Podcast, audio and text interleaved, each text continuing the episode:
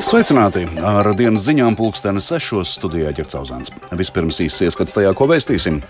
Eiropas parlaments rosina izveidot starptautisku tribunālu Krievijas noziegumu izmeklēšanai. Saimnes komisijas vērtēs iniciatīvu liekt prokremliski noskaņotām personām ieņemt amatus valsts institūcijās. Rīgas domnieki atbalsta atalgojumu palielināšanu pašvaldībā ievēlētajām amatpersonām. Iedzīvotāji šo lēmumu kritizē. Par šiem tematiem ziņu turpinājumā plašāk.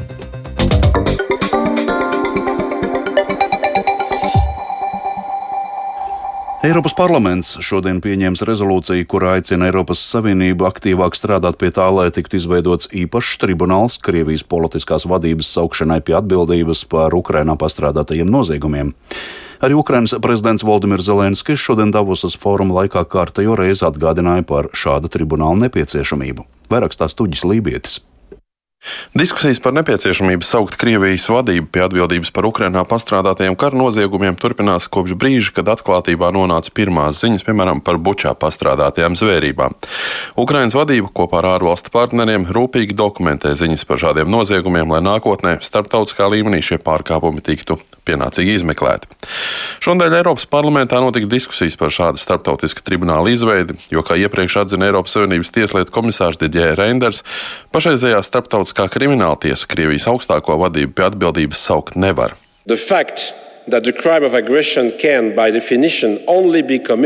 Fakts, ka agresijas noziegumus pēc definīcijas var pastrādāt tikai valsts augstākā politiskā un militārā vadība, novada mūs pie jautājuma par personisko un funkcionālo imunitāti. Iespējamajam tribunālam, kura mērķis būtu izmeklēt pastrādāto agresiju, būtu jābūt apveltītam ar ļoti nozīmīgu starptautisku mandātu, lai šādu imunitāti atceltu likumiskā ceļā. Šādam tribunālam arī jādarbojas starptautiskās sabiedrības vārdā. Eiropas parlamenta deputāti pirms šīs dienas apstiprinošā balsojuma, kurš gan nav juridiski saistošs, aicināja jaunā tribunāla mandātu attiecināt arī uz Baltkrievijas vadoni Aleksandru Lukašenko, kurš ļauj Krievijas spēkiem izmantot savas valsts teritoriju uzbrukumu veikšanai pret Ukrainu. Eiropas parlamenta lēmumu jau atzinīgi novērtējis arī Ukrainas prezidents Valdimirs Zelenskis, kurš par tribunālu kārtībā reiz atgādināja arī Davos fórumā. Russia must be brought to justice for every burned Ukrainian city and village. Krievija ir jāsauc pie atbildības par katru nodedzināto Ukrainas pilsētu un ciematu, par katru iznīcināto dzīvi, par katru Krievijas raķešu, bumbu un mīnu nogalināto Ukraiņu ģimeni. Mums ir jāatjauno taisnīgums, un mēs to varam. Mums ir jāsoda ļaunums. Startautiskajai krimināla tiesai ir pilnvaras izmeklēt Krievijas kara noziegumus, arī starptautiskiem tribunālam par Krievijas pastrādātajiem agresijas noziegumiem noziegumiem pret Ukrainu būs šādas pilnvaras saukt pie atbildības Krievijas augstākās politiskās amatpersonas un militāro vadību, bet īpašajam kompensāciju mehānismam būs tiesības kompensēt Ukrainai un katrai Krievijas agresijas ietekmētajai personai Krievijas radītos zaudējumus. Kompensācijas ir jāsaz no Krievijas un ar to saistītajiem līdzekļiem. And all those associated with it. Šeit gan jāpiebilst, ka pašlaik arī Eiropas Savienības līmenī notiek ļoti aktīvas diskusijas par to, vai un kā vispār ir iespējams Krievijas valstī un privātpersonām konfiscētos līdzekļus novirzīt citu mērķu sekšanai. Uģis Lībijams, Latvijas Radio. Neraugoties uz plašo sašutumu un nosodījumu par Maskavas sākto un izvērsto karu Ukrainā, tikai neliela daļa rietumu uzņēmumu faktiski ir pametuši Krieviju. Par to liecina Šveicē veikts pētījums. Pētnieki no Sankt Gallenas Universitātes un uzņēmējdarbības institūta Lozanā secinājuši, ka ļoti ierobežots skaits Eiropas Savienības un G7 valstu uzņēmumu eh, Krieviju patiesi ir pametuši. Līdz ar to eksperti apstrīd narratīvu par plašu rietumu uzņēmumu aiziešanu no tirgus. Turpina Rihards Plūme. Pētījuma autori uzsver, ka patiesībā daudzas kompānijas, kuru galvenā mītne atrodas kādā no rietumvalstīm, ir pretojušās valdību, plašsaziņas līdzekļu un nevalstisko organizāciju spiedienam pamest Krieviju pēc 24. februāra. Kad Krievija uzsāka plaša mēroga iebrukumu 1404 Eiropas Savienībā un G7 valstīs bāzētajiem uzņēmumiem, Krievijā bija 2405 meitas uzņēmumi. Tomēr mazāk nekā 10% Eiropas Savienības un G7 valstu uzņēmumi ar Krievijas meitas uzņēmumiem bija tos atsevinājuši. Saimā savu ceļu turpina būtiska sabiedriskā iniciatīva. Vairāk nekā 13 tūkstoši Latvijas pilsoņu parakstīto kolektīvo iesniegumu par aizliegumu ieņemt amatus valsts un pašvaldību institūcijās prokremliski noskaņotām personām vērtēs vairākās saimnes komisijās. Balsojums bija te vienprātīgs, vienīgi stabilitātei deputāti to novērtēja kā sabiedrību šķeļošu. Vairāk Jāņa Kīņš ierakstā. Kolektīvā iniciatīva paredz, ka no nodokļu maksātāju naudas algotu valsts un pašvaldību iestāžu darbinieku politiskie uzskati nedrīkst būt pretrunā ar Latvijas valsts vērtībām. Vairāk nekā 13 tūkstoši cilvēku parakstītajā iniciatīvā prasīts arī likumā noteikt liegumu Latvijai nelojāliem cilvēkiem un Krievijas agresijas Ukrainā atbalstītājiem kandidēt Saimas pašvaldību un Eiropas parlamenta vēlēšanās. Saima jau pērn ar grozījumiem likumā liegus Tatjanai Ždanakai viņas nostājas dēļ Latvijā atkārtot kandidēt Eiropas parlamenta vēlēšanās vēlēšanās. Šis piemērs liecina, ka regulējumam jātop ātri, debatēs norādīja Viktors Valāns no Zaļo un Zemnieku savienības. Lai mēs varētu izvairīties jau pašā saknē no tādu amatpersonu kandidēšanas vispār vēlēšanās, kuri pēc vēlēšanām runā klāji pretvalstiskus uzskatus. Latvijā, piemēram, civildienestā tiesību sargājošajās iestādēs strādājošajiem un arī skolotājiem prasība par lojalitāti valstī ir noteikti jau pašlaik, bet daudzās nozarēs šādas prasības nav. Lai nesāktos raganu medības, saimai ir jānosaka skaidri kritēriji un rīcības modelis valstī nelojālu cilvēku identificēšanai un turpmākai rīcībai. To jau iepriekš saimas mandātu etikas un iesniegumu komisijā norādīja valsts drošības dienesta priekšnieka vietnieks Ēriks Cinkus. Nacionālās apvienības deputāts Aleksandrs Kirsteins norādīja, ka efektīvs līdzeklis būtu arī pilsonības atņemšana par atbalstu Kremļa politikai. Likumā par Latvijas pilsonību tur ir teikts, ka pilsonība ir jāatņem cilvēkiem, kas karo ienaidnieku armijā vai propagandistiski aicina atbalstīt kādu agresoru valsti, kas ir iebrukusi mūsu draudzīgā valstī, un ne tikai sadarbojoties militāri vai spiegojot, bet arī sniedzot propagandistu atbalstu. Ar iniciatīvu strādās arī Saimnes juridiskā komisija. Tās vadītājs Andrejs Judins no jaunās vienotības aicināja deputātus piedāvāt gudrus risinājumus un neaprobežoties tikai ar vēlējumiem no Saimnes tribīnes. Ja mēs rakstām, piemēram, ka kādu personu nedrīkst apstiprināt amatā, mēs nedrīkstam pieļaut situāciju, kad cilvēks aizies uz tiesu un tiesa būs viņa pusē. Iniciatīvas mērķu īstenošanā politiskas cīņas rīku saskata stabilitātei deputātu un frakcijas vadītājs Aleksis Rosļikovs. Iedzīvotāji negribēja jums dot iespēju un zaļu gaismu politiska instrumenta veidošanai. Nu, vismaz daļa no deputātiem, kas izgāja, runāja tieši par to, ka mēs, pateicoties iedzīvotāju iniciatīvai, veidosim politisku instrumentu cīņai ar konkurentiem. Definēt prokremliskas personas un meklēt iespējas tām liekt strādāt valsts un pašvaldību iestādēs centīsies četras saimnes komisijas. Par iniciatīvas virzību bija teju visi klātesošie deputāti, pret to bija vienīgi frakcijas stabilitātei pārstāvji. Jānis Kincis, Latvijas Radio.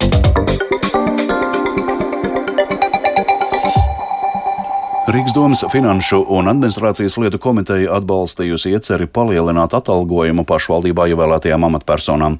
Lemjot, deputāti neuzdeva nevienu jautājumu, un neviens deputāts, to starp opozīcijas deputāti, nepieteicās debatēm. Latvijas radio aprunājās ar Rīgas iedzīvotājiem par atalgojumu celšanu. Nu, viņš pa daudz, jo pārējiem jau tā nepaceļ. Pat ne tuvu tam. Kā vajadzētu tas būt? Nu, vajadzētu kaut kā, lai iet kaut kā samērīgi. Līdzīgi kā kaut kāda vidēja rādītāja, kāda ir pa valsti. Tas gan būs pa daudz, tā izskatās. Nav jāpalielina. Nu, nav godīgi šī brīža situācijā, kad citiem rēķini pieaug tā, ka nezinu, Nu, nezinu, kādas variantus meklēt, lai samaksātu un lai izdzīvotu reāli. Un es domāju, ka viņam līdz šim nav bijis jāsūdzās par to algu. Šobrīd nu, nu, es esmu diezgan lielā šokā, bet tajā pašā laikā nu, es saprotu, ka mēs jau īsti neko ietekmēt nevaram. Vispār nedot viņam algu.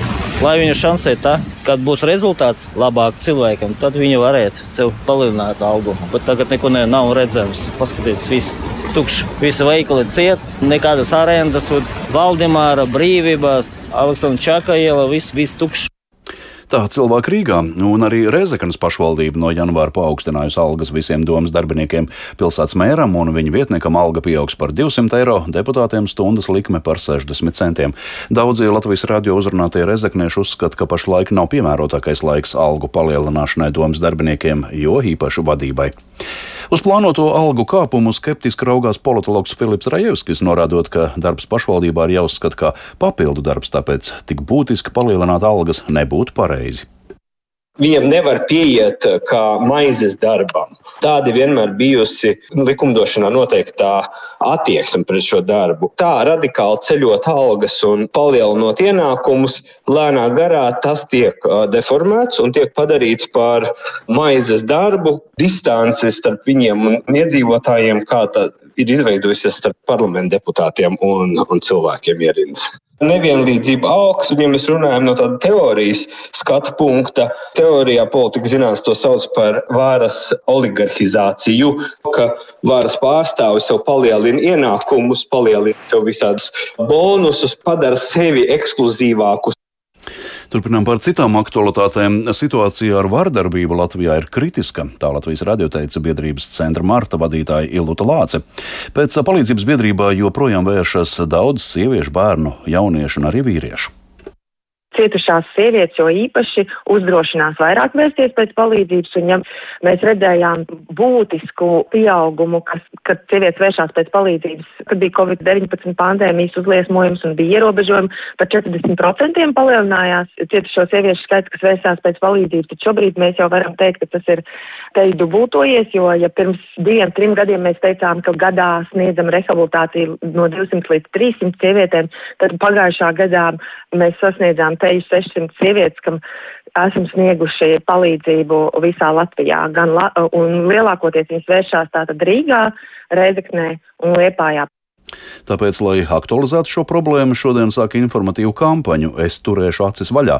Mērķis ir iedrošināt un radīt pārliecību vardarbības noziegumos cietušajiem, ka viņi nav atstāti vieni, bet tiks pamanīti un sadzirdēti. Kampaņa tiešā veidā neuzrunās cietušos, bet gan viņu draugus, tuviniekus un sabiedrību būt modriem un piedāvāt savu atbalstu. Bankās Latvijā joprojām pastāv cilvēku ar invaliditāti diskriminācija. Tas secināts Tiesību sargu biroja pētījumā par banku pieejamību invalīdiem.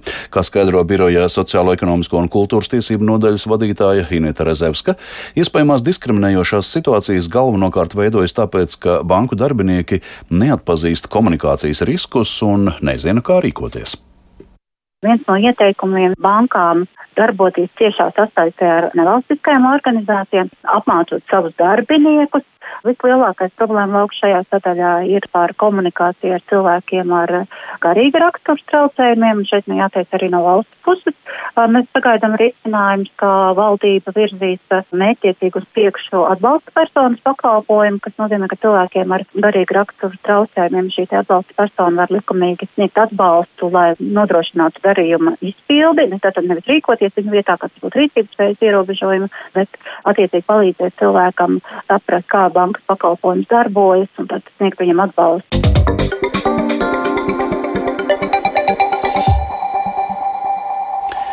No 5. līdz 8. februārim Latvijā viesosies Starptautiskās paralimpiskās komitejas prezidents Andriu Pārsons. Latvijas paralimpiskās komitejas prezidente Daiga Dadzīte Latvijas radio pastāstīja, ka ar Pārsonu apspriedīs paralimpiskā sporta centra būvniecību. Viņa arī vedīs uz Siguldu, kur iepazīstinās ar kamaniņu trasi. Turpina Daiga Dadzīte. Mums ir ļoti nozīmīgi, lai viņš redzētu Siguldas bobsleja trasi, jo uh, ir jau bijuši lēmumi par sliktu parabofliem no Paroniskās starptautiskās komitejas neiekļaut pagaidām ziemas paroniskās spēlēs, jo patiesībā viņi īsti nezina, kas tāds ir. Nu, un tad mēs, ņemot vērā, ka viņš ir nu pats no Brazīlijas, tad mēs viņu vedīsim uz Sigūdas trasi un rādīsim, kas ir paraboflis. Līdz ar to izskan dienas ziņas sešos. Tās producēja Viktors Pupiks, par labskaņu rūpējās Uldis Grīmbergs un Kristaps Sēdes, studijā Ģercauzāns. Vēl izsakts svarīgākajā. Eiropas parlaments rosina izveidot starptautisku tribunālu Krievijas noziegumu izmeklēšanai. Saimnes komisijas vērtēs iniciatīvu liekt prokremliski noskaņotām personām ieņemt amatus valsts institūcijās. Rīgas domnieki atbalsta atalgojumu palielināšanu pašvaldībā ievēlētām amatpersonām. Iedzīvotāji lēmumu kritizē. Yeah. Rīgā šobrīd gaisa temperatūra ap nulli, dienvidu vējš 2 m2, gaisa mitrums 95%, bet kāds laiks gaidāms turpmāk stāsta sinoptiķis Golubēva. Piektdien debesīs mākoņu būs daudz, bet dažbrīd starp tiem izlauzīsies arī kāds saules stars. Valsts austrumos gan naktī, gan dienā ir gaidāmi nokrišņi, un tur sniega saga var palielināties par 2 līdz 5 cm. Citviet naktī veidosies migla un dūmaka. Gaisa temperatūra naktī būs no 0 līdz minus 6 grādiem, bet dienā minus 2 plus 2 grādi. Brīvdienās Latvijā nokrišņu būs krietni mazāk, debesis ik pa brīdim skaidrosies, un temperatūra naktīs saglabāsies no 0 līdz minus 6 grādiem bet dienu laikā no mīnus 2 līdz plus 2 grādiem.